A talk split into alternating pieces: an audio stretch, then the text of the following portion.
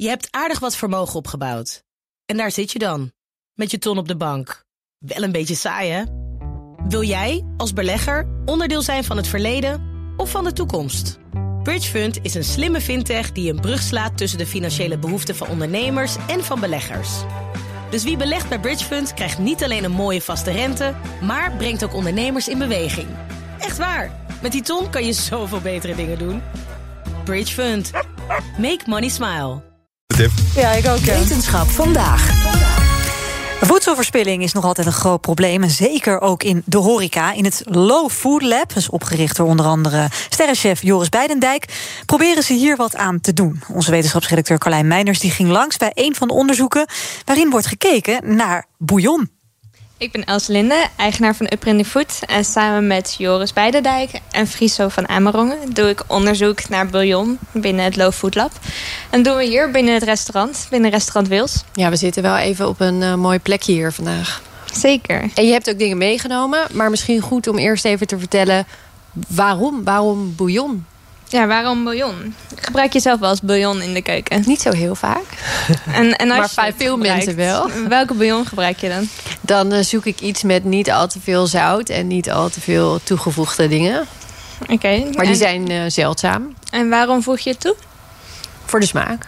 Voor de smaak. Ja, dat is inderdaad waarom veel mensen toevoegen... en waarom we het ook altijd in onze keukenkastjes hebben liggen. Maar het probleem is wel dat er altijd heel veel smaak ja, eigenlijk mist en eigenlijk vooral zout in zit. Het is heel zout vaak. Heel zout, heel ja. zout. Ja, en dat hebben wij ook ontdekt toen we heel veel bouillons gingen proeven hier en gingen analyseren. Want het grootste deel van die bouillonblokjes is toch echt wel zout. En helemaal als je gaat kijken naar plantaardige bouillon. Want ja, zout is dan hetgene wat de smaak geeft. En zout is hetgene wat we eigenlijk toevoegen met een bouillonblokje. En daarom hebben we eigenlijk dit onderzoek opgezet. Want we willen iets creëren waar minder zout in zit. Ja. En waar we eigenlijk de umami-smaak uit de groente zelf naar boven kunnen halen. Oké, dat klinkt als een goed plan. Ja, ja, ja, vonden we ook. En het liefste ook nog uit reststromen. Dus we kijken naar heel veel reststromen die eigenlijk uit de keuken voortkomen. Die normaal vaak worden weggegooid. En hoe we die dan toch nog kunnen verwerken. En er meer smaak uit kunnen halen. Dat lijkt me helemaal goed. Ja. Wat ga je dan vervolgens doen? Ja, dat, uh, dat was ook bij ons de vraag. Wat gaan we ermee doen met al die reststromen? Dus uh, daarvoor hebben we verschillende experimenten opgezet inmiddels.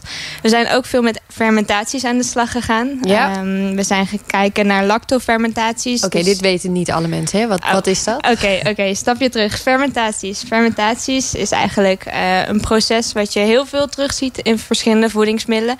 En waar ook bij, waarbij je verschillende variaties hebt. Je kan fermenteren met gisten, bijvoorbeeld bier en wijn. Je kan fermenteren met schimmels. En we hebben ook hier fermentaties eigenlijk met de bacteriën die zelf op de groente aanwezig zijn. Ah, ja. Um, dat zijn de lactofermentaties. Daar hebben we eerst naar gekeken. Waarbij je heel veel zuur eigenlijk krijgt. Uh, waarbij de groenten zuur worden. Wat we zien bij uh, augurken bijvoorbeeld. Die, die zijn zuur. Dat werd vroeger ook met fermentatie gedaan. Ja. Um, en dat is toch eigenlijk niet waar we naar op zoek waren voor de bouillon. Ik kan me voorstellen dat je niet per se een zure bouillon wil. Nee, nee, precies. Dus toen zijn we verder gaan kijken. We zijn gaan kijken naar schimmelfermentaties. En met schimmelfermentaties, dat hebben we gedaan met koji. Dat is iets wat je ook veel uh, in Japan ziet voor sojasaus bijvoorbeeld. Uh, we zijn gaan kijken hoe we dat in combinatie met groentes konden gaan doen om een soort van uh, saus te maken ook. Alleen dan op basis van die groenten en hoe we daarbij de umami smaken dan naar voren konden brengen. Was het moeilijk? Om hier wel... iets tussen te vinden wat werkte? Nou ja, we weten nog niet of het allemaal gaat werken. Dus dat is zit nog er nog een beetje middenin. We zitten er nog middenin, inderdaad. Maar het is wel in een proces in ieder geval. Uh, wat we aan het doen zijn met deze schimmelfermentaties... is vooral dat we de eiwitten uit deze groenten afbreken tot een soort kleinere ketens. En als je die dan weer afbreekt tot nog kleinere ketens... dan heb je de aminozuren. Ja. En als die dan tot uiting komen eigenlijk... dan heb je die umami smaken waar we naar op zoek zijn.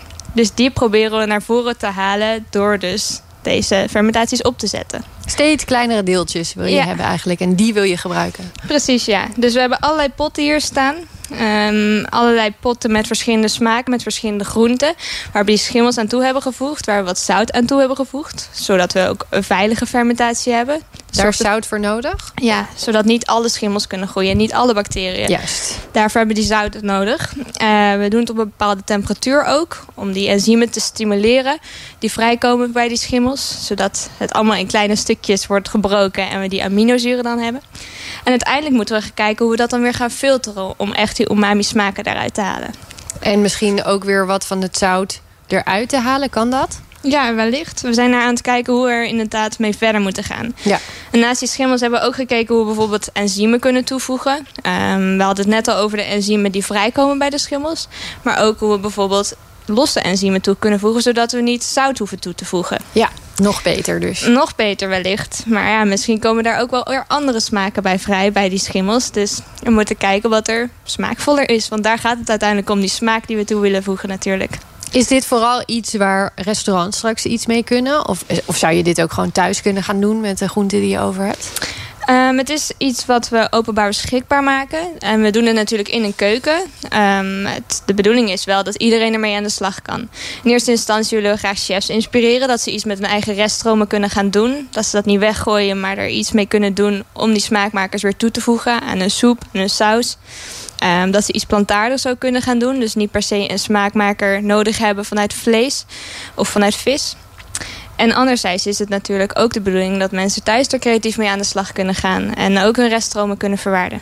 Een bijdrage van onze wetenschapsredacteur Carlijn Meinders. En om tien voor half zeven hoor je meer Low Food Lab onderzoek. Dan met een hoofdrol voor sojapulp. Je hebt aardig wat vermogen opgebouwd. En daar zit je dan, met je ton op de bank. Wel een beetje saai, hè?